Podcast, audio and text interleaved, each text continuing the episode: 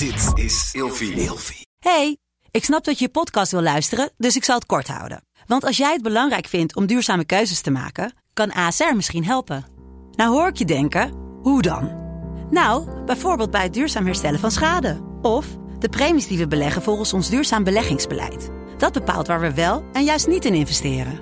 Wil je meer weten over welke duurzame keuzes ASR maakt? Ga dan naar asr.nl slash duurzame keuzes. ASR doet het. Zo, dan kan je nu lekker naar je podcast luisteren. richting het bureau ehm, kregen we een melding dat eh, een zus bij de deur stond van haar boer. Dat is echt een half uur daarna. En ehm, toen hebben we die man eh, daar aangetroffen in eh trappenhal die zichzelf verhangen had. Dus dan gingen we eigenlijk van... Ik, wij waren nog niet uit die adrenaline van dat dak. Stonden we daar in die woonkamer die zus te troosten. En dat was eigenlijk nog. Het was heel bizar, omdat met je gevoel en je adrenaline en je, en je spanning stonden we nog bij de ene melding. En uiteindelijk staan we bij die melding. Dan moet je heel snel terug naar je, om rustig te worden, maar je moet ook snel oké, wat moet ik doen?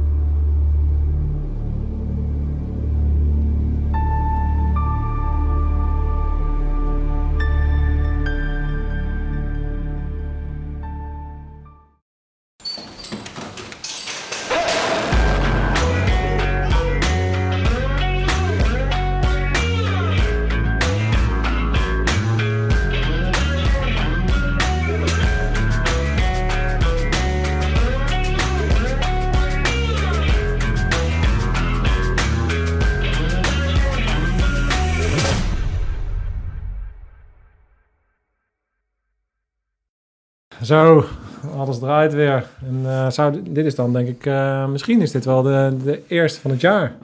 Dat zou heel goed kunnen, ja. Gelukkig nieuwjaar iedereen. Jee. ja, ik denk het wel. Ik denk dat we inmiddels eh, Ja. aan nummertje 1 zitten van januari. Dus iedereen ligt nog voor pampers. En misschien dat we een weekje opschuiven dan. Doe je dan nummer 1 tellen weer? Of gaan we dan Nee, gewoon door? gaan we door. Ja, We toch? gaan gewoon door. Ja, Wou ik zeggen. Ja vandaag weer eh, een hele toffe aflevering. Want we hebben wederom een u- geuniformde tegenover ons. Niet zomaar. Politie- Zonder bivakmuts. Zonder bivakmuts. Zonder bivakmuts, ja. Ja.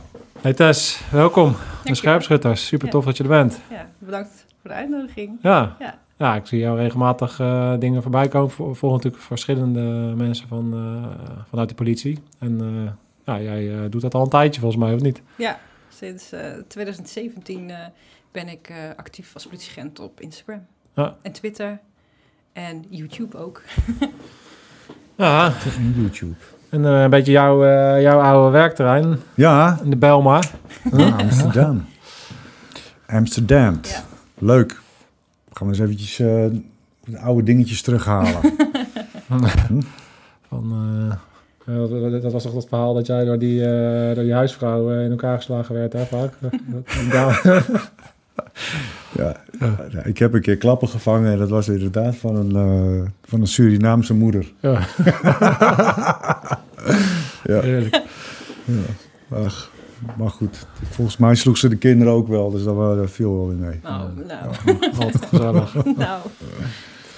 Nee, tof dat je het bent. Jij, ehm, ja, wat ehm, eh, ja, kan je misschien voorstellen voor de mensen die jou niet kennen? Eh, je- ja, jij bent, je bent dus een politievrouw en je zit op eh, Instagram, maar eh, Ja. eh, wie, wie ben je Ja, eigenlijk? ik ben Tess, 32 jaar. En sinds eh, 2006 eh, werkzaam bij de politie. En ehm, begonnen als surveillant. Eh, negen jaar surveillant geweest in Amsterdam. In 2015 eh, door mogen stromen voor agent. En ja, de, de wachtlijst was lang in Amsterdam, dus het heeft ook lang geduurd. En ehm, in 2015 eh, tijdens de opleiding eh, op eh basisteam Vlierbosdreef eh geplaatst, wat nu Bijlmermeer heet.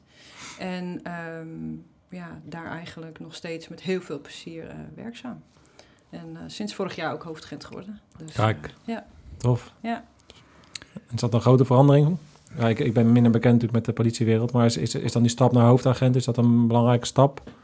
Nou, in principe blijven de werkzaamheden tussen de hoofdagent en agent zijn wel redelijk hetzelfde. Alleen vanaf surveillant naar agent was wel een hele grote overstap, omdat je dan ook vuurwapendragend wordt. Ah, En eh, je gaat in de noodhulp werken. En daar had ik nog geen ervaring mee. Dus dat was wel echt wel een, eh, een hele grote verandering. En, ehm, maar uiteindelijk heb ik wel mijn eh, ervaringen die ik als surveillant heb opgedaan. Dus met verschillende soorten mensen in aanraking eh, ben geweest. En ook eh, vooral eh, heel veel communiceren met mensen. Heb ik dat wel weer heel fijn ervaren in mijn eh noodhulpstage. ja. Daar heb je wel wat aan gehad. Ja, zeker weten. Hey, je werkt ook in de Bijlmermeer. Ja. Hè, dat is een, eh, een, een, een wijk die de meeste mensen in Nederland waarschijnlijk kennen als van nou, daar gebeurt een hoop ellende. Vertel eens, wat, eh, wat, wat is de Bijlmer voor een, eh, voor een soort, ja, wat is het, een, een, een stadsdeel hè, in Amsterdam? Ja, zo zou je het kunnen zeggen. Ja.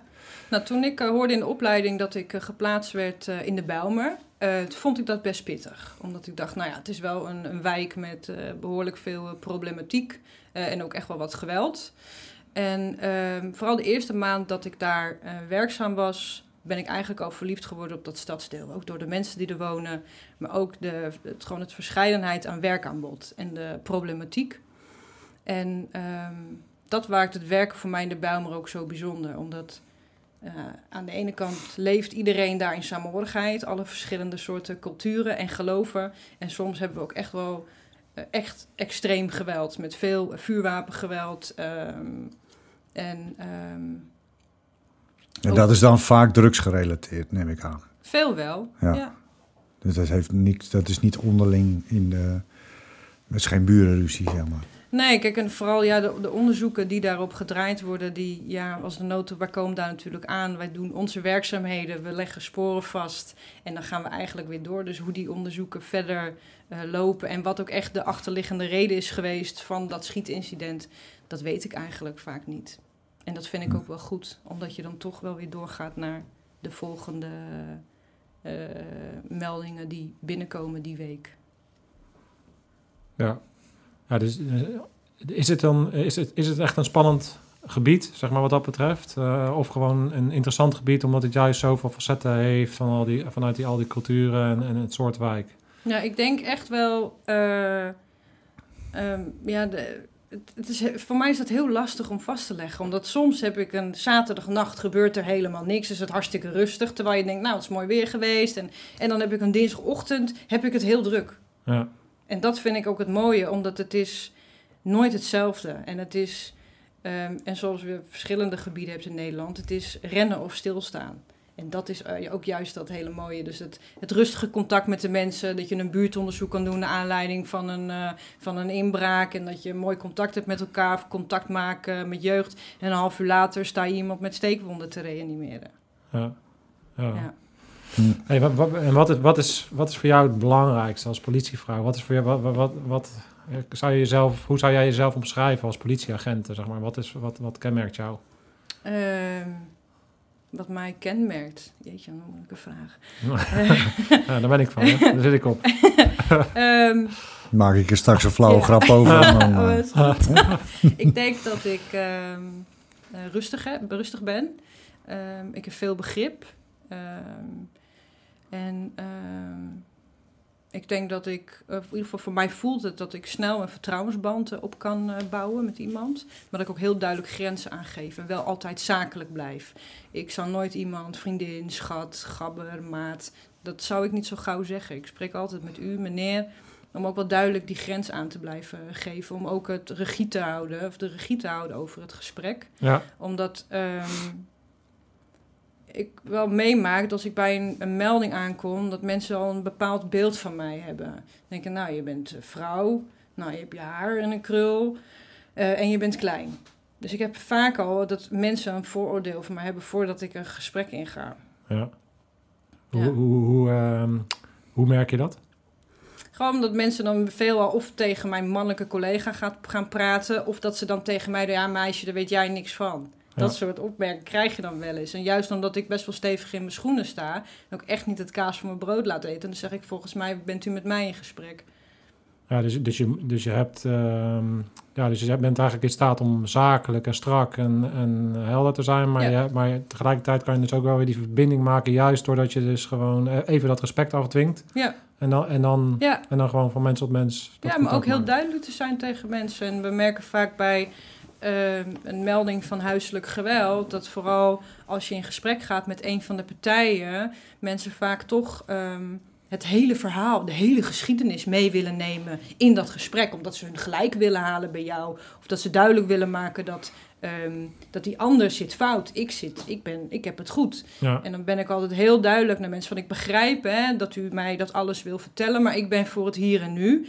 Wat er allemaal in het verleden is gebeurd, dat kan ik nu niet voor u oplossen. Ik kan u alleen handvatten bieden eh, om daar wel met goede instanties eh, over te spreken. Dus wat verwacht u van mij? Ja. En dat vinden mensen vaak een hele moeilijke vraag. Wat verwacht ik van u? Ja, u belt. Wat verwacht u van mij? Ja. Ja, ik wil dat u dit en dit. Los het even op. Ja, Ah, ja. ja. doe jij het even oplossen voor mij? Ja. Ja. Ja, maar dat, dat, dat is... ehm, Het lijkt me ook wel lastig hoor. Ja, het lijkt, me, het lijkt me heel erg lastig. Ik- wij waren toevallig gisteren dan eh, bij de politieeenheid Rotterdam op bezoek bij Marco en Dunne. En, en eh, die was dan ook in gesprek met een, eh, met een stichting, met eh, moeders die daar in de wijk dan helpen. En toen, ik, ik heb Wijze moeders? Onwijze Moeders heet Onwijze dat, een project. Moeders, En dat ja. hebben ze dan daar, daar opgestart om... ehm, ja, om eigenlijk eh, vanuit de buurt ook te horen. eh, daar is die, hè? ja, dat kan niet zonder eh, deze podcast. Dat, eh. Ja, we hadden het voor de podcast even over het watermomentje, maar ja, dat, dat, Hij zat er weer in. hij zit er Ja, weer in. hij zit er Ja. weer in. Nou, ik heb ongelooflijk veel respect eh, gekregen eh, voor de mensen op straat en de manier waar, en het geduld wat erbij komt kijken. De, de, de verschillende soorten problemen waar je mee te maken hebt, de verschillende soorten eh, manieren van communicatie die je in je, in je moet hebben. en, en, en de manier waarop je moet schakelen daartussen. En, en inderdaad dan ook het schakelen van. Nou ja, dus, dus mensen uitleggen, hey, wat verwacht je van mij? En, en dan een, een, een, een burenruzie of zo. Een eh, rol. en dan vervolgens vijf minuten later sta je inderdaad bij een steekpartij. En eh, ja, dat dat. Nou, ik, ik kan alleen maar heel erg. Ik heb daar oprecht veel bewondering en respect voor. En ehm, eh, ja, jij ziet dat na 13 jaar dienst, 13 jaar? Bij de- 13 jaar. 13 jaar bij de baas, eh, zie je dat waarschijnlijk inmiddels wel iets van, ja, weet je, dat is, dat is normaal. Maar ik denk dat dat, dat, dat niet helemaal eh, zo is. Want eh, kan je ons, ons meenemen in, in, in een aantal eh, meldingen die je dan krijgt en, en, en hoe, hoe, hoe dat dan loopt? Gewoon voor, voor mensen die van buiten de, niet, die geen verstand hebben van het politiewerk. Ja. Van weet je, je komt aan, en je komt op een dienst en hoe, hoe verloopt zo'n dag waarbij je allerlei meldingen krijgt? Ja. Kan je ons een beetje meenemen zonder in specifieke gevallen heel erg te Ja, benoemen? precies. Kijk, Ja. wat ik aan mezelf merk is dat ik bij elke melding, ik vind ook als politieagent ben je ook nooit uitgeleerd. Ik leer nog steeds elke dag van mijn collega's, van de mensen waarmee ik in aanraking kom, maar ook van de situaties die ze voordoen. Want geen enkele situatie is hetzelfde, ook geen enkele reanimatie is hetzelfde. Je kijkt toch naar bepaalde elementen die hebben kunnen geleid tot het feit dat iemand gereanimeerd moet worden. En naarmate je dat soort meldingen vaker meemaakt en collega's dingen opmerken, neem je dat zelf ook mee. En ehm, eh, ik heb een keer een, een dag gehad, dat was vorig jaar, eh, zomer. En eh, dan was ik samen met mijn collega Saar, zaten we samen op de auto. En het was warm. Het was een, volgens mij was het een vrijdag of een zaterdagmiddag. En het was mooi weer. Ik denk, nou, ik denk dat we het wel druk gaan krijgen. Uiteindelijk hebben we met twee auto's in ons gebied eh 35 meldingen gekregen. Dat is een hoop. En ehm, dat varieert van ehm, geluidsoverlast jeugd, wat in een garage hangt. Ehm, tot eh, eh, dat ze weer aan het barbecuen zijn, gezellig in het Bijlmerpark. Dus het hele park staat blauw van de kip. Het ruikt wel lekker, maar het is heel druk. En dan mensen gebruiken alcohol en dan komen er toch hier en daar komt er een twist. En ehm, we kregen een melding van ehm, dat er een meisje op een dak zou staan bij een instelling. En eh, we kregen een melding binnen en het was een beetje onduidelijk. En dat er staat iemand op een dak en de brandweer is onderweg. Oké. En we kwamen aan bij die melding en wij werden eigenlijk al meteen gezegd, ja, ze zit daar. We werden helemaal geroepen door eh, jeugdwerkers van die instelling. Ze zit daar op het dak en ze wil springen. En wij stonden daar met z'n tweeën. En doordat zij zo zeiden van jullie moeten hier komen, hebben we ons een beetje in dat incident laten trekken. Doordat mensen zeiden jullie moeten hier komen. En En toen stonden we daar met z'n tweeën en toen hebben we wel eh, contact gehad met eh, de meldkamer. Er staat hier iemand op het dak. Is er een onderhandelaar eh, onderweg? Komt er iets hier eh, naartoe? Ja, er is iemand onderweg, maar dat duurt wel nog even. En we hoorden gegil op het dak en toen hebben we besloten om ehm, via de trapgang richting het dak te gaan. En op een gegeven moment, ik eh, zag het meisje zitten. Ik zeg tegen haar, ik zie er zitten. Maar zij had ons nog niet gezien. En we bleven veilig op een afstand. En ik riep naar haar van, ik ben Tess. eh, en ik ben van de politie en ik ben hier om met jou te praten. En zij zat op, eh, op, eh, op de rand met haar benen op, op de, over de rand heen. En beneden daar stonden ook eh, jeugdwerkers en ook politieagenten. En ik denk dat het zo'n vijf, zes meter eh, hoog was. En ehm, ze schreeuwde terug. Ze huilen, hysterisch huilen en schreeuwen. En zij zat zeg maar nog steeds zoals, zij, zoals we haar aantreften.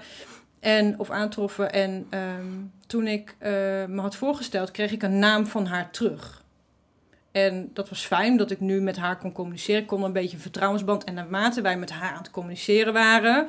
Ik, mijn stem was eerst heel hard, maar die werd zachter omdat wij kwamen steeds dichterbij. Zonder dat zij er eigenlijk erg in had. En op een gegeven moment kwamen we zo dichtbij.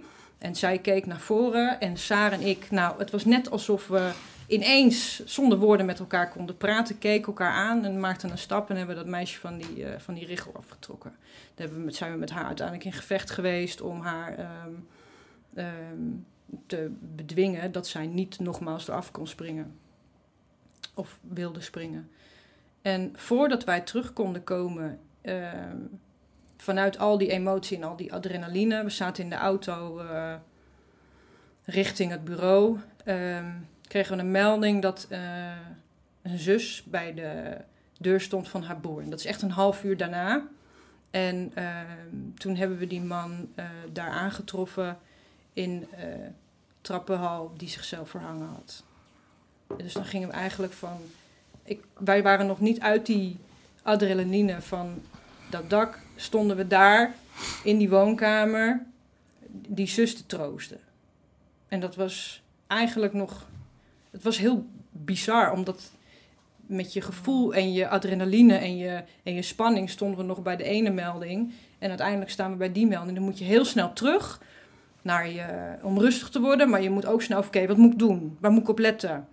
Ehm, en ik merkte dat ik minder scherp was in bepaalde dingen eh, oppakken. Want ik kijk altijd naar de woonkamer. Eh, zijn, er, is er, zijn er sporen van braak? Ehm, is er iets in die woonkamer wat mij opvalt? En op een gegeven moment, we waren boven. En ik zag bij die persoon een briefje liggen. Ik denk, zometeen eerst een foto maken, handschoenen aan. eh, en vastleggen wat ik ga doen. En ik kijk naar links en ik zag daar een, eh, een wit badje. Een babybadje. Het staat op zo van, het staat op een soort standaard. En daar zat water in. Dus ik schreeuwde meteen, is er een baby in huis? Want die, die man, die is, over, is er ergens dan misschien een baby? En ehm, uiteindelijk ehm, bleek er verder geen baby in huis. Die was eh, verder wel veilig. Maar het duurde best wel even voordat ik geregistreerd had wat ik nou eigenlijk allemaal gezien had. En ehm, na die melding, dat hebben we dan weer overgedragen. Zijn we naar het bureau gegaan, zijn we gaan eten. En dan hebben we de rest van de avond nog wat andere meldingen gehad. Een geluidsoverlast. Ehm, volgens mij nog iets een keer met eh, wat eh, jeugdproblemen. En dan sta je daar soms en dan denk je, nou, ik had toch wel een hele gekke dienst eigenlijk. Ja. Ja, Maar Dat, eh, hoe, hoe, ehm, is het dan niet ehm, eh, een moment hè, dat je bewust tegen jezelf zegt, of misschien een, een, eh, een, een, een, een brigadier, iemand die, eh, die operationeel een beetje de leiding heeft, die dan zegt: eh, Dames, hier komen, zitten. Eh, er is net een hoop gebeurd. Laten we er even met, even met elkaar over hebben. ja. Dat moment was er wel. Dat was onze opco, Martin, dat weet ik nog heel goed. Die was toen bij de woning en die heeft zeg maar het overgedragen aan de collega's die extra kwamen. Dat was bij die, die man die zichzelf verhangen had. Die zegt, jullie gaan nu naar het bureau, jullie gaan eten. Gaan even, even in de rust. Gaat alles goed? Hm. Eh, en we hadden ook gewoon met elkaar wel van potverdorie. Dan stappen we eigenlijk van het een eh, stapje in het ander. Terwijl je daarvoor sta je nog gezellig in het zonnetje een beetje van... nou, het zal wel een drukke dienst worden. Want Mhm. eh, ik zie alweer alle rook eh, uit het park komen dat ze aan het eh barbecuen zijn. Iets dichterbij. Ja. Dus, ehm, en, maar dat maakt dit werk eh, eh, ook het, het leukste van mijn werk. Ondanks dat je hele schrijnende dingen tegenkomt, Ja. ehm, is dit wel, eh, zijn dit wel onderdelen waarvoor je bij de politie bent gaan werken. In ieder geval, dat, zo geldt dat voor mij. ja. Nou, je hebt in ieder geval eh, de mogelijkheid om, om elke dag wel een keer voor iemand het verschil te maken. Ja. Nou, eh, wat is voor jou de belangrijkste reden dat je bij de politie wilde? Weet je dat nog? Ja, ik, ik, ik heb nooit een heel spannend verhaal. Ik eh, was kapster en ik, vond, ik wilde gewoon wat meer spanning in mijn leven. En ik zag een advertentie in de krant. Die heb ik ingevuld. Toen kreeg ik een informatiepakket thuis. Ja, en twee maanden later had ik de test en had ik die ineens gehaald. Dus het is, ik zeg altijd, ik ben bij de politie gaan werken vanuit een gevoel. Ja. Ik, ik, zocht, ik zocht iets. En wat weet ik niet. En ehm, ik was 19 toen ik bij de politie kwam werken. En dan zeggen mensen, hoe weet je nou dat je politieagent wilde worden? Ik zeg, nou, soms weet ik dat nog steeds niet. Het is me eigenlijk gewoon overkomen. En het is eigenlijk ook gewoon een deel van je identiteit, wordt dat, Ja. politieagent zijn. En, en past die identiteit je goed? Eh, heb je het gevoel dat... eh, is het een struggle geweest? Of eh, is het een soort warme jas geweest die je aan hebt gedaan?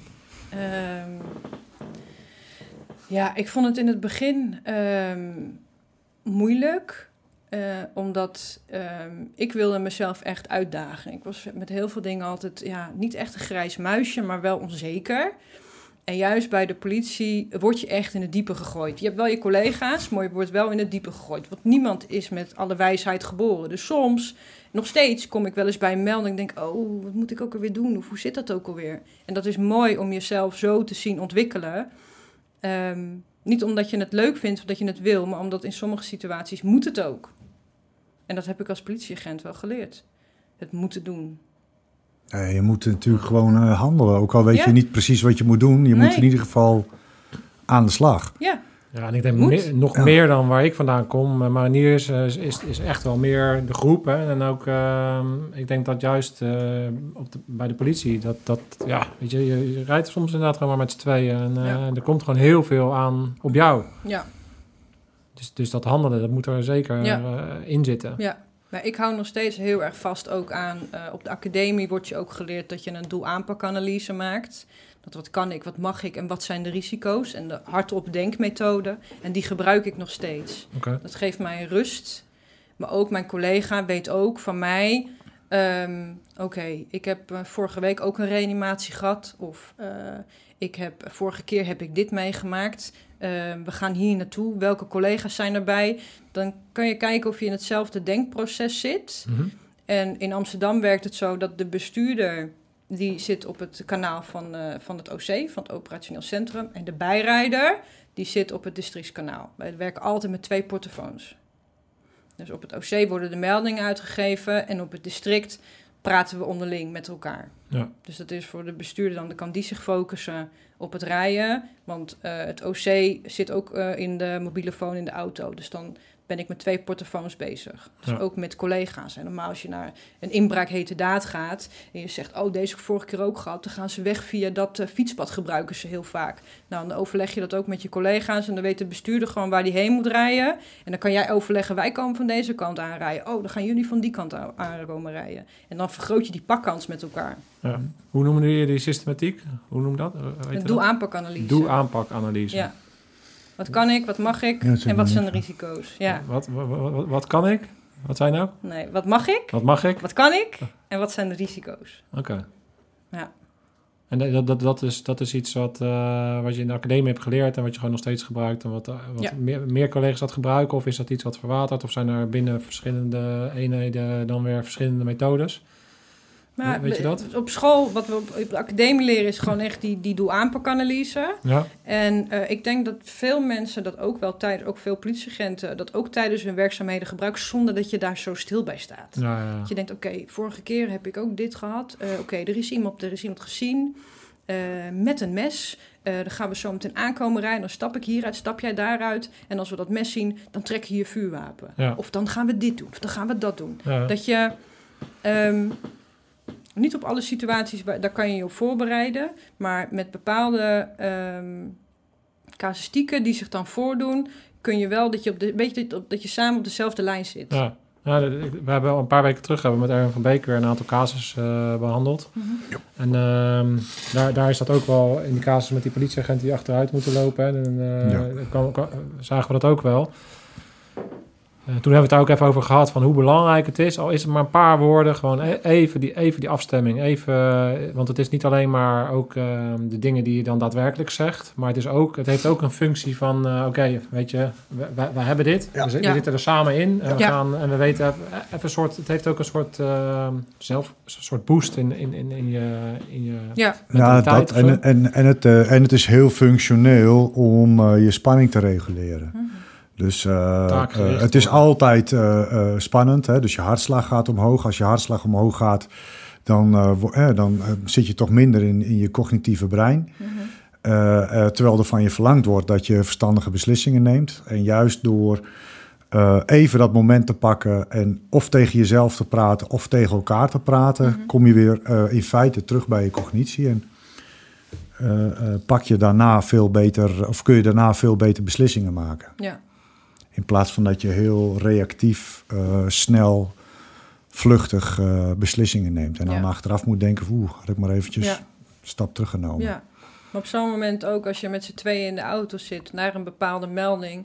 ehm, naast dat je dat bespreekt, is het ook goed om je twijfels uit te spreken. Dat je denkt, oké, gaan we dan dit doen? Of dat je dat aan je collega kan vragen. En dat is echt het moment dat je nog even met z'n tweeën hebt voordat je in die situatie belandt. Wat, wat ik net vertelde ook met eh, dat meisje op eh, die, die richel. Soms gebeurt het dat je in een incident wordt gezogen. Door druk, door spanning, door iets wat je nog niet hebt meegemaakt. En dan ben je eigenlijk al bij stap 4, terwijl je stap 2 en 3 eigenlijk nog niet hebt gehad. Dus dan duurt dat even voordat je er bent. En dat moment in de auto vind ik persoonlijk heel erg fijn.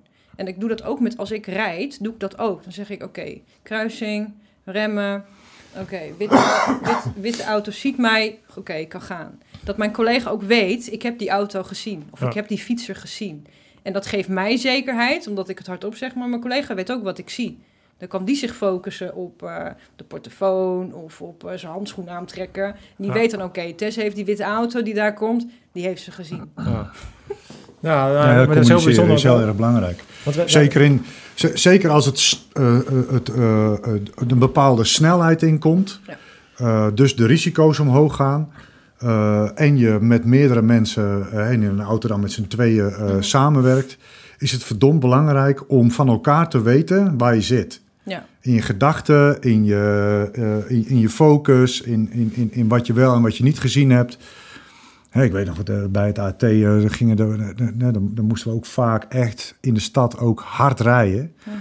En dan is het verdomd belangrijk dat, dat, dat zeg maar, de bijrijder ook heel goed weet wat jij moet zien. ja, En met je meekijkt en Mhm. aangeeft van oké, rechtsvrij of eh rechtspoppetje dit. ja, En, en, en dat je als bestuurder voortdurend oogcontact aan het zoeken bent met mensen die, waar- hè, wa- waarvan jij vindt dat ze moeten stoppen, maar dat ze ja, gaan ze wel of niet stoppen. ja, En dat je, ik zei ook altijd, eh, eh, als ik mensen daarin coachte, van eh, mensen stop je met je ogen. Dus je laat zien dat jij niet gaat stoppen met je ogen. Maar, maar dan moet je wel dat oogcontact hebben. En ja, dat, zijn, ga- dat is wel gaaf. Nou, hadden met, wat ik ook een eh, bijzonder vond aan jouw verhaal, wat je jij vertelde ook van, e- van een moment voordat je bij die rig- richel aankwam, dat je, dat je bijna eigenlijk zonder te zeggen allebei wist wat jullie gingen, gingen doen. Ja. Mhm. En dat is ook, wat, eh, je hebt- we hadden toevallig met eh, Rico Brijo, dat was volgens mij vorige week of de week daarvoor eh, aflevering. En in een gesprek naast de podcast hadden we het even over een boek en dat is Stealing Fire heet dat, dat is wel een Mhm. tip.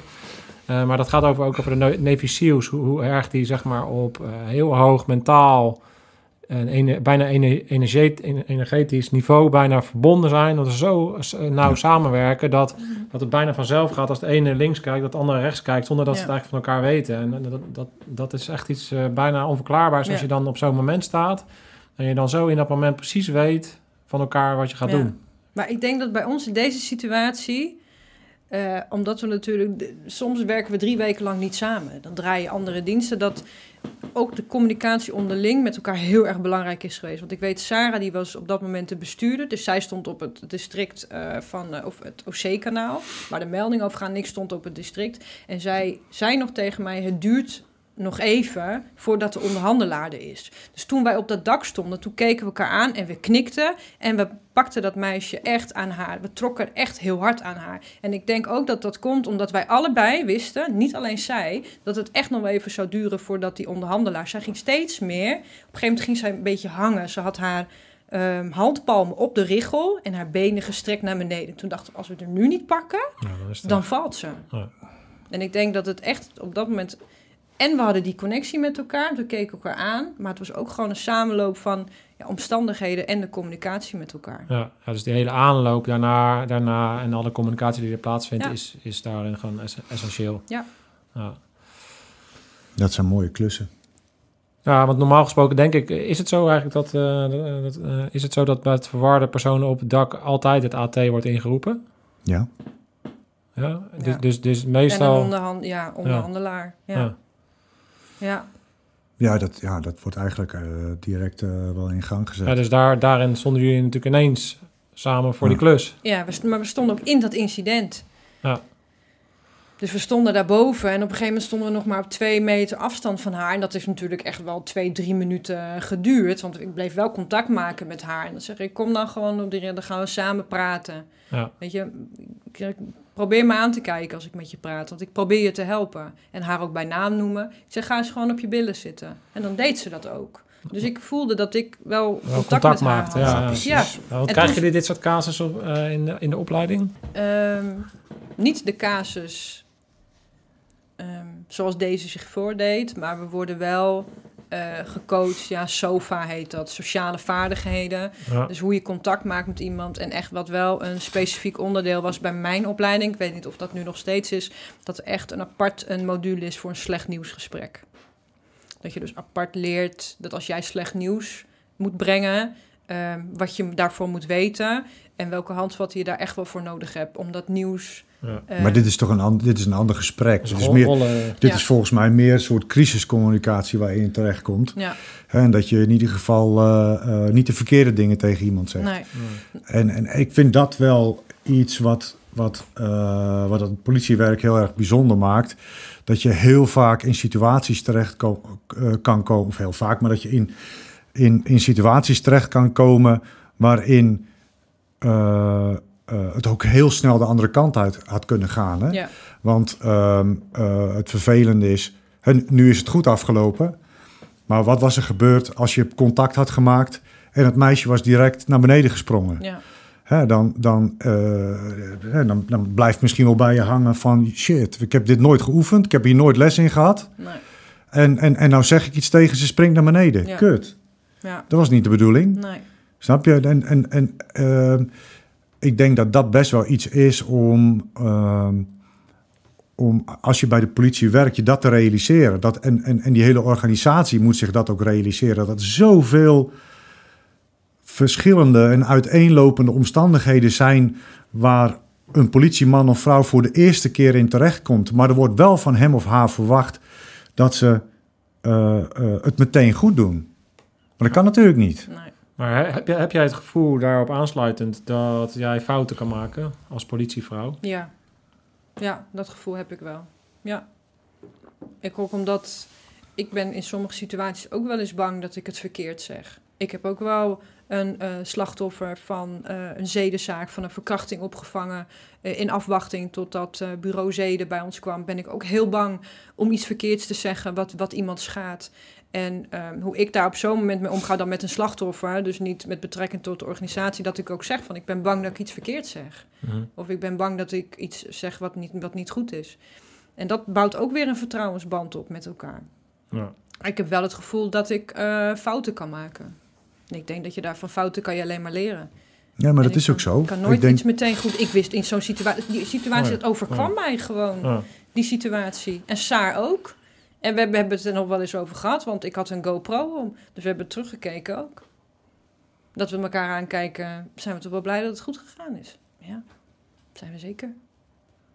Ja, en uiteindelijk uh, is dit goed afgelopen. Ja. Ja, en, en dat is dan, eh, dat is dan, eh, nee, daar hoef je nu geen antwoord op te geven. Maar ik denk dat het antwoord daarop, of nieuwsgierig zijn naar het antwoord daarop, heel belangrijk is. Eh, hè, dat je tegen elkaar kunt zeggen van, oké, was dit nou meer geluk dan wijsheid? Ja. En als het meer geluk eh, was, eh, wat zijn we er dan wijzer van Ja. geworden? Ik denk dat dat iets is wat je, wat, wat eh, eh, belangrijk is om, om, daar, om daarin Ja. terug te halen. Ja, maar ik denk dat het ook belangrijk is om dan daarna ook met z'n tweeën te, te debriefen. En dat doe ik ook wel bij, eh, bij meerdere situaties. En wat we bij IBT ook leren, hebben we het goed gedaan of is het goed gegaan? Mhm. En dat is die, die afweging. En daarom leer je ook nog steeds van elke situatie. Ja. Ja. En dat wil niet zeggen dat ik als ik deze situatie nog een keer eh, krijg, dat ik precies hetzelfde doe. Of misschien anders, dat weet ik niet. Dat ligt echt aan, echt aan de situatie. Maar ik neem Ja. wel weer mijn leermomenten mee ehm, van die andere casus. Ja, Ja. Wij noemen wel eens de, de Defensie eh, promofilm van Skilled for Life. Ja, dus, dus dat je dus bij Defensie Skilled for Life wordt. Heb jij het gevoel dat jij dat, dat, dat de politieorganisatie jou ook echt heeft ontwikkeld als mens en eh, ja, wie, wie je bent de afgelopen 13 jaar? Ja, zeker weten wel. En, en is die vorming voor jouw gevoel eh, eh, eh, alleen maar positief of zit er ook negatieve kant aan?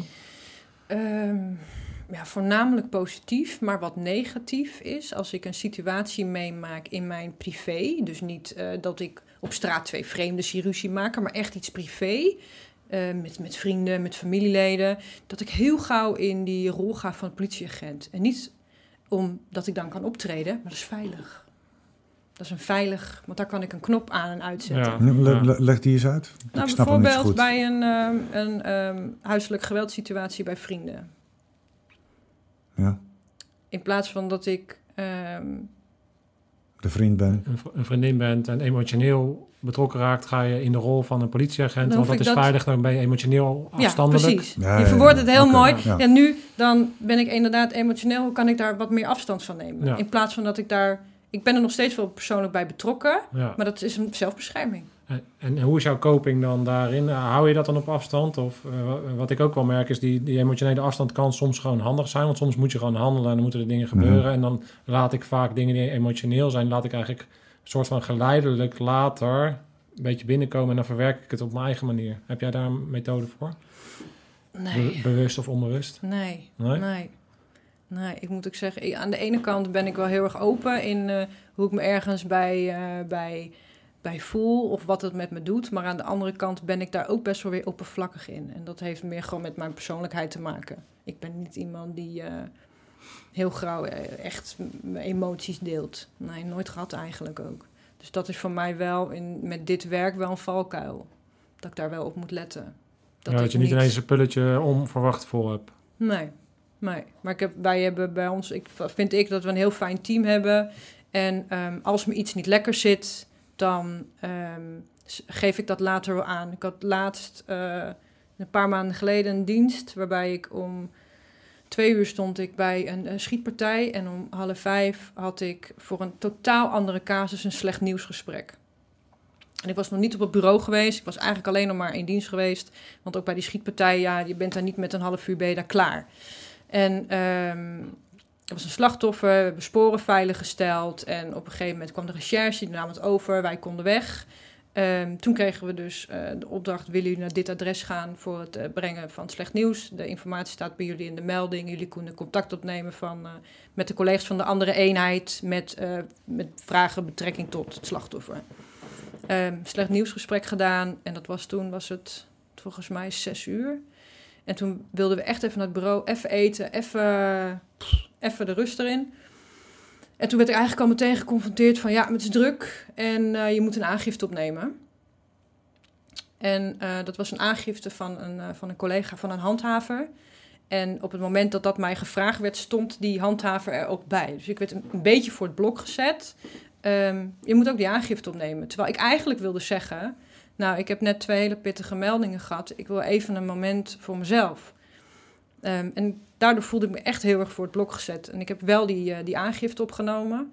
En daarna ben ik gaan eten, ben ik wat gaan drinken. Toen heb ik wel eh, op dat moment de officier van dienst daarop aangesproken van... joh, kan ik even met je, met je zitten? Ehm, ik heb net deze meldingen gehad en ik voelde me heel erg voor het blok gezet, doordat je dat aan me vraagt waarbij het slachtoffer erbij staat. Ja.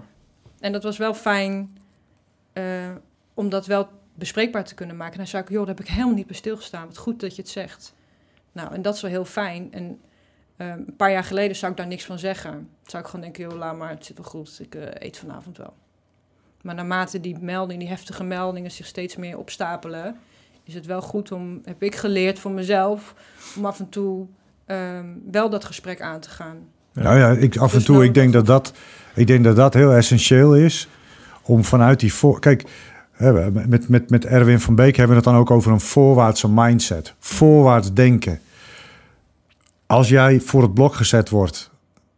en je gaat vervolgens naar degene die dat gedaan heeft. om hem te confronteren met het feit. wat het met jou gedaan hebt, heeft.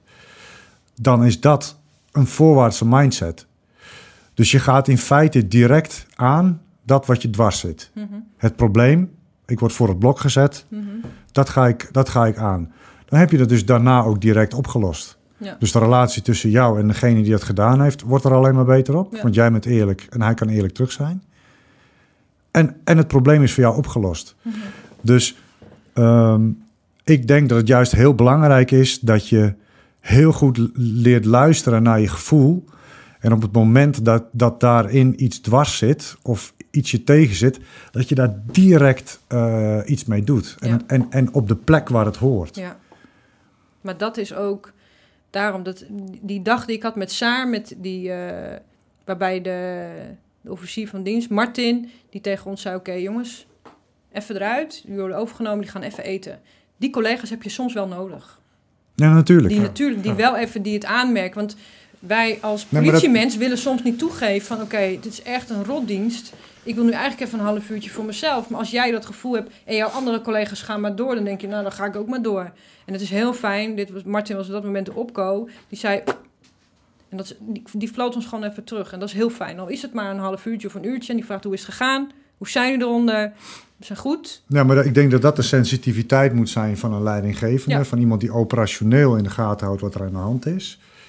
En vanuit dezelfde mindset en vanuit hetzelfde eh, besef eh, zijn mensen aanstuurt. En eh, wij zeggen ook wel eens van oké, als je heel hard werkt, heel hard traint, dan moet de kwaliteit van rust moet ook goed zijn. En Ja. dat is natuurlijk precies hetzelfde bij, bij jullie werk. Dus als je mentaal in je werk flink belast bent, moet je ook mentaal daar op tijd je rust in, in kunnen vinden. En het liefst on the job Ja. en niet thuis. Ja. Oh. Hey, maar, Hey, ja, ja, ja, ja. Hey. Hey, hey, Hey. hey. Ja, ik wilde eh, wat vragen over, eh, over de online eh, nou, leven. fuck it, dat is mijn, mijn, Ja. mijn bruggetje. Ja, dan moet je sneller zijn. Ja, nu heb ik het al gedaan. Het online leven. Ja. Voorwaartse mindset. Ja. Ja. Dus hij is gewoon te laat. Gewoon. Ja, ja, ja, ja. Maar goed, dus eh, Nee. mooi verhaal allemaal. Maar je zit hier omdat je natuurlijk gewoon eh, een van de bekendste politie-vlogsters bent. En eh, mijn grote voorbeeld. Want eh, ik vlog mezelf, eh hoe heet het, Instagram mezelf. ik kan het niet, Des. Ik, ik, ik, ik zie hoe, hoe leuk het is en hoe, hoe onwijs gaaf het is om mensen te bereiken. Ja. Met iets wat je in je hoofd hebt. Maar ik vind het best wel lastig om daarin gedisciplineerd het dingetje te doen. Ja. Maar jou is het gelukt. Ja. Hoe ben je zo, hoe, ben je zo ver gekomen?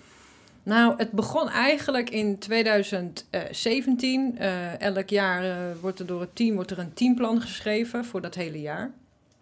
En daar stonden ook bepaalde punten in eh, die ze graag wilden bereiken. En dat werd eigenlijk, liet ze dat zien in een presentatie. En een punt daarvan was meer contact met jeugd. En meer informatie geven aan de burger. En ehm, toen ben ik gaan brainstormen. En toen dacht ik, hoe kunnen we dat nou doen? En toen dacht ik, nou, de jeugd zit tegenwoordig, alles zit, eh, het organiseert, communiceert, alles via social media. En laat ik daar nou eens onderzoek naar doen. En ehm, toen eh, kwam ik Jan Willem tegen, want Jan Willem die vlogde toen al een jaar. Oké. En een paar van zijn vlogs gekeken en dacht ik, god, doet hij dat leuk. En wat leuk voor de wijk waarin hij werkt. En ehm, ik denk dat ik dat ook kan. En eh, toen heb ik een afspraak gemaakt bij mijn teamchefs. En toen eh, gaf de secretaresse die vroeg, ja, wat voor afspraak wil je? Ik zeg, ja, doe maar, het is een pitch, maar het is out of the box. En dat heette dus ook in de afspraakagenda test pitch out of the box. Het is nog steeds, ik vind het nog steeds heel grappig. Bitch of bitch. Wat, eh, Pitch met een P. test Pitch. bitch. Pitch out of the box. En ehm, toen heb ik daar een presentatie gegeven en die eh, noemde ik Modern Verbinden. En mijn teamchef, Danny, die ging zitten zo. En die, zag, die zei van, nou, dat vind ik wel wat. Maak maar een testfilmpje. Ik zei, nou, is goed. En toen ging ik naar huis, maar ik wist helemaal niet hoe ik een filmpje moest maken. Dus toen ben ik op YouTube snel om tutorials gaan kijken van, nou, hoe maak ik een vlog? Zo heb ik dat letterlijk gegoogeld. En toen dacht ik, nou, eh, ik geef hem gewoon een camera mee en ik zoek een collega die ik kan interviewen in de auto. Waar we een beetje een leuk gesprek hebben met elkaar. En eh, dat was ons eh, over de P-officier van dienst Michel. Daar heb ik gewoon een hele leuke vlog van gemaakt. Van, nou, Michel, waarom vind je het zo leuk om hier te werken? Nou, ik ben opgegroeid in de Bijlmer. En eh, een heel mooi verhaal. En ehm, zo is dat balletje eigenlijk op een gegeven moment gewoon gaan rollen. Dat ik eh, een Instagram had aangemaakt. En dat was toen nog niet echt. Politieagent op Instagram, ja, nou, een handje vol. En ehm, ja, wat, wat, wat zet je daar dan op? Wat, waar ga ik over praten dan? En toen dacht ik, nou, ik denk dat eh, ik het ook belangrijk vind om eh, het contrabeeld te laten zien. Dat eh, mensen gaan pas filmen als wij geweld gaan gebruiken. En ik wil eigenlijk wel laten zien wat daartoe leidt. Wat wij eigenlijk allemaal wel niet meemaken. En ehm, gewoon de andere kant van het politievak. Maar ook de simpele dingen. Want toen ik bij de politie ging werken, ik wist niet wat politiewerk was. Geen idee. Terwijl de politie best wel open is met heel veel verschillende dingen, maar we laten het niet zien. Nou, ik begin gewoon Instagram en ik ga gewoon eh, YouTube. En dan laat ik gewoon zien wat mijn dag eigenlijk inhoudt. Ja. En dan ben ik begonnen met filmen in de kelder. Heel stiekem, zo, met mijn telefoon. En dat Dat moest klinkt ik... wel heel duizend. De officier van dienst die hangt er in de touwen met een biljartbal in zijn mond. Even op de slinger. oh, sorry. En, eh, Sorry, brigadier. En ehm, dat, ehm, dat vond ik in het begin heel eng. Dan ging ik ook fluisteren als ik dan collega's lang... Want het is nog een beetje raar als je Ja. jezelf zo staat te filmen. En eh, wat Instagram-posts gemaakt. En eh, er zijn er wat, eh, wat vlogs online gegaan. En er kwamen zo ontzettend veel leuke positieve reacties van buiten. De burgers oh wat leuk dat jullie dit doen. En ook echt volgers ook, uit de Bijlmer... die het ook echt heel interessant vonden... wat er nou in hun wijk gebeurt. En... ehm, ja, aan de ene kant is het heel simpel, want ik laat zien wat voor werk ik doe en wat er allemaal bij komt kijken. En aan de andere kant heb je natuurlijk ook dat je de identiteit van de slachtoffers en de, de locaties waar het gebeurt, moet je wel Ja. eh, geheim houden. Dus ehm, daar zat ik natuurlijk ook mee. Want ik moet blurren. Ehm, ik moet ervoor zorgen dat ik niet een locatie bekend maak. Dat ze weten waar, die, waar dat huiselijk geweld is geweest. Want ik zou het verschrikkelijk vinden als ik iemand zou schaden, een slachtoffer, doordat het, eh, het te volgen is aan mijn vlog. Mhm. Dat zou ik, zou ik echt heel erg vinden. En toen ben ik begonnen met als ik naar een melding toe rij en mensen uit de Bijlmer, die weten het, die zeggen dat ook onder in de vlog van, hè, je reed ineens op de Karspel toen stond je ineens in de E-buurt. Dat klopt niet. Nee, ik gebruikte gewoon een andere aanrijroute. En dan eh, van een andere dag dat ik gewoon eh, reed. En dan eh, plakte ik een andere evenement, of de, de casuïstiek, ja. die plakte ik daarachter. Zo. Dus dan kon je nooit volgen waar, waar die casuïstiek nou precies had plaatsgevonden.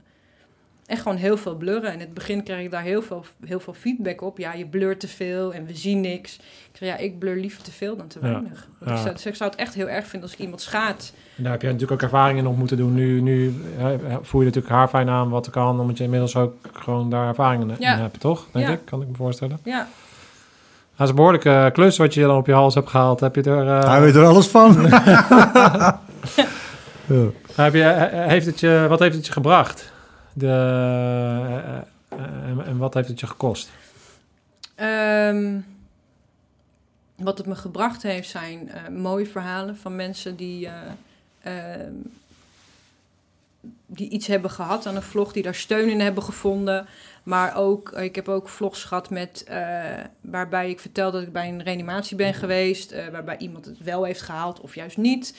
Ehm, dat ik berichten krijg van mensen die zeggen, naar aanleiding van jouw vlog ben ik een EHBO-cursus gaan volgen, reanimatie en AED. Nou, dat is voor mij dat vind ik geweldig als dat daartoe leidt. Ehm, ook hebt mensen eh, gehad die eh, daar steun in hebben gevonden, die het fijn vonden om even contact te hebben met een politieagent op een laagdrempelige manier en zo bepaalde hoofdstukken in hun eh, leven hebben kunnen afsluiten, omdat ze op een positieve manier contact hebben met de politie in plaats van negatief. Wow. Ja, Cool. dus dat is voor mij wel. En wat het me gekost heeft, eh, een hoop slaap. het eerste jaar. eh, kopzorgen, omdat het natuurlijk toen echt nog wel redelijk eh, nieuw was. Het vloggen en op Instagram eh, online zijn. En ehm, ja, toch heel veel mensen daar wel heel erg sceptisch over waren. En welke Ja. mensen met name? Collega's, ja, je staat alleen maar selfies te maken en je wil gewoon aandacht. Ja. Ja, en dat vond ik in het begin wel heel erg moeilijk, omdat ik het juist Je intenties heel puur waren. Ja, Ja. en ik vond het ook leuk om als ik dan een succes had, dat iemand een privébericht stuurde van ehm, ik, eh, heb een, eh, ik ben in het verleden aangerand en toen ik bij de politie kwam werd ik niet serieus genomen. Maar door mijn contact met jou eh, kan ik dit afsluiten. Bedankt daarvoor. En dat soort successen wilde ik wel heel graag delen. Maar op een gegeven moment voelde ik me daar heel erg, ehm, werd ik daar terughoudend in. Omdat ik niet wilde dat collega's konden zeggen, oh, waar weer? We haar weer met haar Instagram. Die staat weer ergens, die zat weer selfies te maken. En dat kwam. Op Ja, want je bent, je bent op een gegeven moment best wel opgepikt. Hè? Dus ook door, door bepaalde media. En dan kom je natuurlijk best wel in een soort... eh, ja, ik- Mediastorm. Het is een soort rollercoaster waarin je Ja. komt. Wat heel, wat, wat, Ja. wat, eh, uit mijn eigen ervaring in ieder geval gehad is, het is oncontroleerbaar. Je bent ineens een soort van publiek goed. Ja. Dus mensen kunnen van alles over je roepen. En daar ben jij natuurlijk al een beetje gewend omdat je politieagent bent. Dus mensen vinden natuurlijk al inderdaad al wat van jou. Ehm, eh, hoe ben je daarmee omgegaan? Met, met, met, met, met dat fenomeen van, van hoe, dat, dat mensen iets van je vinden. En dat, eh, Ja, soms vind ik dat nog steeds lastig. Maar in het begin... In het begin heb ik er heel veel moeite mee gehad... omdat ik een doel had waarom ik daarmee pas ben begonnen.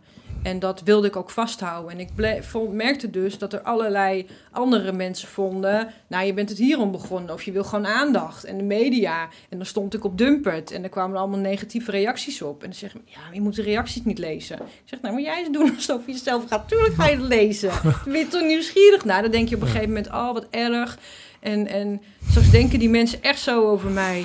En dat heeft echt heel lang geduurd. Ik denk echt pas sinds afgelopen jaar dat ik dat een beetje heb leren loslaten. Dat ik niet iedereen tevreden kan stellen. En tuurlijk zullen er mensen zijn die het er niet mee eens zijn. En dat mag. Maar dat betekent niet dat je mij zomaar mag beledigen of afkraken. Dat doe ik bij jou ook niet als ik het ergens niet mee eens ben wat jij doet. Ja, Tenzij, je, hebt, eh, je, eh, hebt in, eh, je hebt natuurlijk een, eh, een leger aan eh toetsenbordterroristen. Ja. Die eh, volgens mij de hele dag eh, dat soort eh, comments leveren Ja. op allemaal eh, Ja, maar toch is mensen dat zoals jij en, en, en wij. Ja. En, Ja. ja, ja kwetsend. Ja. ik, ik, eh, ik, ik kan er eigenlijk niet zo mee zitten. En ik, wat, ik, wat, ik wel, wat, wat, ik wel apart vind is hè, dat... ehm, eh, je ziet natuurlijk met name op Dumpert en Geen Stijl heel veel filmpjes eh, van politiemensen die aan het werk zijn. Mhm. Hè, en dan eh, op het juiste moment eh, gaat de camera aan en, eh, eh, en dan gebeuren allemaal de meest spectaculaire dingen. En politie wordt in feite te kakken gezet.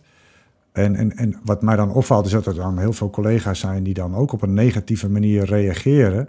Maar in feite doen ze dan bijna hetzelfde als waar, ze, waar, waar, andere collega's van jullie ook het slachtoffer eh, van zijn. Namelijk eh, eh, mensen die ergens maar wat van vinden. Ja.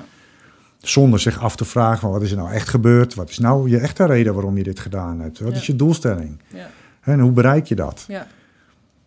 Ja, maar dat komt bij politieagenten hebben natuurlijk nogal een mening, vaak. Die spreken we nog wel eens uit. En ehm, ik vind het altijd lastig om te oordelen over een situatie waar je zelf niet bij bent geweest. Dat vind ik met alles. En ook op zo'n filmpje. Je ziet natuurlijk maar een bepaald, van een bepaalde hoek of van een bepaald beeld. En je stapt pas in een situatie terwijl je niet eens weet wat daar voorafgaand is gebeurd. Ik oordeel daar niet over. Dat vind ik heel moeilijk. Ja. Maar soms is het voor collega's en eh, burgers makkelijk om daar wel iets van te zeggen. Of omdat ze, ehm, als ze zien dat politieagenten eh, worden mishandeld, misschien hebben zij dat wel meegemaakt in de jaren daarvoor. En triggert dat iets. En dan komt er een bepaalde emotie, misschien iets wat ze nog niet hebben verwerkt, komt naar boven. Ja. ja dat hoort er ook bij. En ik vind die, eh, de dingen die mensen tegen mij zeggen, ik heb dat eh, wel als eh, kwetsend ervaren, omdat ik zoiets had van, ik ben voor onze organisatie bezig en voor de inwoners. En ehm, ik vind wel dat ik eh, ook op het werk, maar ook daarbuiten, wel gewoon een veilige werkomgeving moet hebben. Ondanks dat ik iets doe wat nieuw is of raar. Tuurlijk mag je dat raar vinden, maar dat hoef Ja, je niet maar altijd uit te Ik spreken. denk ook, mij. wel- want ik heb de indruk dat jij het ook hebt over collega's die lelijke dingen tegen jou zeggen, of niet? Ja. Ja, jij hebt het misschien meer over gewoon lui die... die, die Nee, gewoon überhaupt allebei. Maar ook, maar, maar ook ik, kan eh, me, ik kan me namelijk heel goed voorstellen dat, dat op het moment dat je dus op die manier eigenlijk een soort van kwetsbaar opstelt, hè, door, Ja. door gewoon je nek uit te steken, want Ja. dat is wat je doet, dat je dan de manier waarop je dan aangevallen wordt vanuit allerlei kanten, dat, dat, dat dat iets met je doet. Ja, ik kan me dat wel Natuurlijk, kijk, dat hoort erbij. Als ik dit doe, als ik me- mijn kop uitsteek, dan hoort dit erbij. Het hoort Ja. erbij dat mensen, en tuurlijk, en tuurlijk mogen mensen dingen kritiek geven. En ehm, waar ik dan denk, ja, wat, wat, dat vind ik kwetsend. Maar soms zitten er ook wel dingen dat ik denk, hé, hey, dat is misschien wel handig. Daar kan ik misschien wat mee. Ja. Maar op een gegeven moment kwamen er zoveel meningen dat ik elke mening belangrijk vond. En mijn doel niet meer mijn doel bleef. En hoe heb, je dat hoe heb je dat aangepakt om dat toch weer terug te brengen naar jezelf? om echt dat heb ik heel veel moeite mee gehad om grotendeels, ik kan het nog steeds niet allemaal, maar grotendeels eh, los te laten en te bedenken voor wie ben ik op Instagram? Voor wie maak ik die video's? ja, maar het is, het is, toch, het is toch begonnen naar. Een teamplan heet het? Ja. Het is, toch, het is toch begonnen naar aanleiding van een teamplan... wat gespre- gepresenteerd wordt door jullie leiding? Ja. Zo van, dit is wat we gaan doen. Of, of, of waar we naartoe willen. Ja. Ga je gang. En jij komt dan met een idee. Ja. En, jouw en jouw eh, chef zegt van... eh, nou, vind ik wel wat. Ja. Laat maar eens zien. Ja. Dus dan is het toch ook gewoon in feite... eh, in een verlengstuk van het plan wat wordt neergelegd... waar, eh, eh, waar iedereen eh, richting uit kan Ja, halen. om die, die resultaten die worden benoemd in dat plan te behalen. Ja. Ja, dat klopt. Ja, ja, maar weet je, wat ik heel erg heb in dit verhaal is uiteindelijk ben je gewoon een pionier op dit vlak. Hè? Jij, jij hebt je nek uitgestoken samen met een aantal early adopters, zoals Ja. Jan Willem eh heet hij. Jan Willem. Jan ja. Willem, ja. En, ehm, en jij bent daar gewoon vroeg bij geweest in dat verhaal. En ik, en ik zie binnen de politie, zie ik dat door, onder andere door, door hoe jij daar eh, eh, aan gewerkt hebt, dat, dat langzaam wel, dat, dat wordt steeds normaler. Ja, En de politie kan Mm, ook, die ja, ziet nu ja. natuurlijk Nee. ook wel langzaam van, weet je, dit is gewoon een middel wat we in moeten zetten en wat belangrijk is en waar je contact maakt met, met, met de burgers. Dus ik denk dat jouw rol daarin nog verder gaat dan wat voor jou belangrijk is, namelijk dat je, dat je een voorbeeld bent voor ehm, en, en, en een pionier bent geweest in het ontdekken van Ja. hoe, hoe dat werkt en hoe dat ingezet kan Ja. worden. Als je geen vijanden hebt, dan sta je nergens voor. Wie zei het ook alweer? Ja, eh, elk, stel, er- Ja. elk stel, sterk merk heeft, eh, heeft goede vijanden. Als, Ja. je geen goede, als je geen vijanden hebt, dan ben je, ben, dan ben je niks. Nee, maar daar vind ik het ook mooi om te zien dat je nu echt wel ziet dat de politie aan het groeien is online. En ehm, ik hoop gewoon dat het meeste nieuwigheid eraf is en dat de collega's zich nu ook vrij voelen. En dat zie je nu bij mij ook op het team. Zijn er toch al vier of vijf eh, wijkagenten sinds dit jaar, sinds pas eh, sinds een maand, die ook een Instagram-account hebben. Ja. Terwijl ik het al eh, bijna drie jaar doe. Vind ik heel mooi. Ja. Dat die zich nu vrij voelen om dat ook te kunnen doen. En dat de, re- de reacties ook leuker zijn. Ja. Dat mensen zeggen, hey, wat leuk die wijkagent eh, op Ja, Instagram. dat- ja, leuk hè? Dat ontwikkelt wel. Ja. Maar, maar ja, jij hebt daar gewoon een paar klappen voor moeten nemen. En, dat hoort erbij, maar dat kan je hebben, toch? Nou, het hoort erbij. Nou, Ja, anders, anders was ik er wel mee gestopt. Ik denk, het hoort erbij. Ik vind Hey, het nog steeds leuk. wat, wat- zijn je ambities? Eh, ga jij, eh, word jij de next eh, Enzo Knol? Of ga je, Nee. heb je ambities binnen de politieorganisatie? Is nou, dat vind ik nou lelijk om dat, om dat tegen een meisje te zeggen. ik wist even geen, vrouw, geen vrouwelijk voorbeeld, eh, sorry. Knol. Knol. Kan toch niet, Mac? Nee, ik eh, heb eigenlijk ook altijd eh, alle grote media dingen, televisies en zo heb ik altijd afgehouden. Omdat ik me gewoon vast wilde blijven houden, juist aan het doel. eh, waar Maar je, ik... zit, maar je zit nu wel bij de beste podcast van Nederland, hè? ja, daarom. Hey. Ja, ik moet toch ergens moet ik voor het eerst komen. nee, maar dat is wel waar ik aan vastgehouden heb. En dat eh, vind ik ook mooi. En als er dan een mooie platform komt, zoals dit... en ook collega's erover kan vertellen... en Ja. ik hoop dat collega's er wat informatie van weg kunnen halen... Zeker weten. Ehm, en dan vind ik het gewoon een heel mooi platform. En ehm, ik eh, merkte vooral het laatste half jaar dat ik wat verdieping zocht in mijn werk. Als ik bij een melding Mhm. aankwam, vond ik het leuk, hè? Sporen vastleggen, getuigen horen. En ja, dan kwam de recherche en dan droeg je dat over. En dan ging je eigenlijk alweer naar de volgende melding. En ehm, toen zag ik drie maanden geleden een eh, vacature voorbij komen voor eh, eh, generieke opsporing bij Mhm. de districtsrecherche in Amsterdam-Oost. Ja. En daar heb ik op gesolliciteerd. En dan ben ik twee weken geleden ben ik, eh, aangenomen. Bam. Ja, dus 1 januari start ik eh, als regisseur. bij Gefeliciteerd. Oost, dankjewel. Super vet. Ja, dat is Ja. een hele grote, maar wel een hele grote stap. Wel heel spannend, Ja, maar eh, ja, ontzettend veel zin in. gaaf. Ja. Een nieuw avontuur. Ja, Ja, dus verder ontwikkelen en al je ervaring die je hebt, die natuurlijk al behoorlijk is, weer in een nieuw specialisme. ja, ik wilde altijd al bij de recherche, toen ik bij de politie ging solliciteren, zei ik thuis tegen mijn ouders, ik wil bij de recherche werken. Maar ik vond het wel belangrijk om wel een bepaalde basis te hebben, voordat ik bij de recherche zou werken. Nou, ik denk dat ik nu niet met 13 jaar, dat ik wel, Je rugzak is nu goed gevuld. ja, Die rugzak die is, eh, die is aardig gevuld. En het, het, het grappige is dat... ik- zo leuk dat je dat op deze manier eh, eh, zegt. Hè? Dus van, eh, ik, ik heb altijd bij de recherche gewild. En daar heb, ik, daar heb je 13 jaar over gedaan. En eh, we krijgen heel veel vragen naar aanleiding van eh, gasten die we gehad hebben. Onze achtergrond, hoe kom ik erbij? En het is vaak, heb ik wel eens het idee dat eh, mensen heel, heel denken van... ik wil er zo snel mogelijk wil ik er komen. Terwijl je eigenlijk tegen jezelf moet zeggen van... nee, ik wil de beste weg hebben om er te komen. Ja. ja, En dat is absoluut niet de snelste weg, want Nee. die rugzak die moet vol. En het feit dat je in het begin van je carrière onbewapend op straat contact moest maken met mensen en, en, en daar moest handhaven, eh, eh, eh, heeft je skills in de communicatie enorm doen versterken in verschillende manieren, op verschillende manieren. En daarna een aantal jaren op straat gewoon met je poten in de modder staan en dan vervolgens de volgende stap maken. ja, En of je dat nou bij Defensie doet en je wil naar, een, naar, een, naar de Special Forces. Joh, begin gewoon onderaan met je poot in de modder. Leer dat, voel dat. ja. Kom er langzaam achter wat er voor nodig is. Je skills en je drills die worden steeds beter. Mhm. En dan, eh, Ja, nu als regisseur, regisseur en al die ervaringen, al die casus, al die dingen die je gedraaid hebt. En dat zijn Ja. zoveel, al die haakjes die vallen dan zo eh, Ja. mooi in elkaar. ja. Ik denk dat, ook, ik denk dat met, eh, met alles is. Als je een bepaalde basis hebt, en het maakt niet uit wat voor beroep je hebt, als je daarin eh, wil doorstromen, dat het ook bijdraagt gewoon aan je zelfvertrouwen, je geloofwaardigheid in jezelf. Ja, Dat als je weet dat als je die, die ervaring, dat, daar bouw je op verder. Zo voelt dat voor mij. En dat heeft dat als surveillant heeft het dan heel lang geduurd. Ehm, maar het is wel, die basis neem ik wel echt mee. En daar hou ik Hm. wel aan vast, want dat heeft mij wel gemaakt tot de politievrouw die ik nu ben. ja. ja, absoluut. En, en hè, daar, eh, hè, waar ik nu ook even aan moet denken, is dat wordt ook weer heel veel waarde gehecht aan, aan kennis. Hè?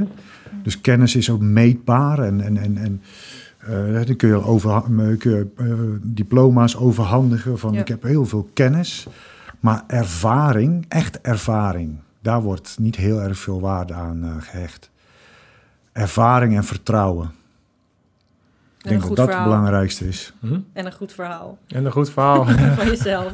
Ja, nou, Ja. maar daar heb je wel gelijk in. Het wordt voornamelijk wel naar vooral, eh, vooral het doorstromen, ook bij de politie, echt wel naar je, naar je, je opleiding eh, gekeken. Wat ja, want jouw, overstap is best wel, toch ja, van hoofdagent. Normaal gesproken vragen ze meer ervaring, volgens mij, als je bij de recherche wil Ja, komen. li- liever hebben ze wel dat je rechercheervaring hebt. Een rechercheervaring Ja. hebt, ja. En dat je wel een bepaalde basis hebt. En, En eh, waarom, waarom, ben je, be- wat is, waarom denk je dat ze Ja, jou uiteindelijk hebben ze in dat sollicitatiegesprek als laatst vroegen ze ook aan mij: waarom moeten we jou aannemen?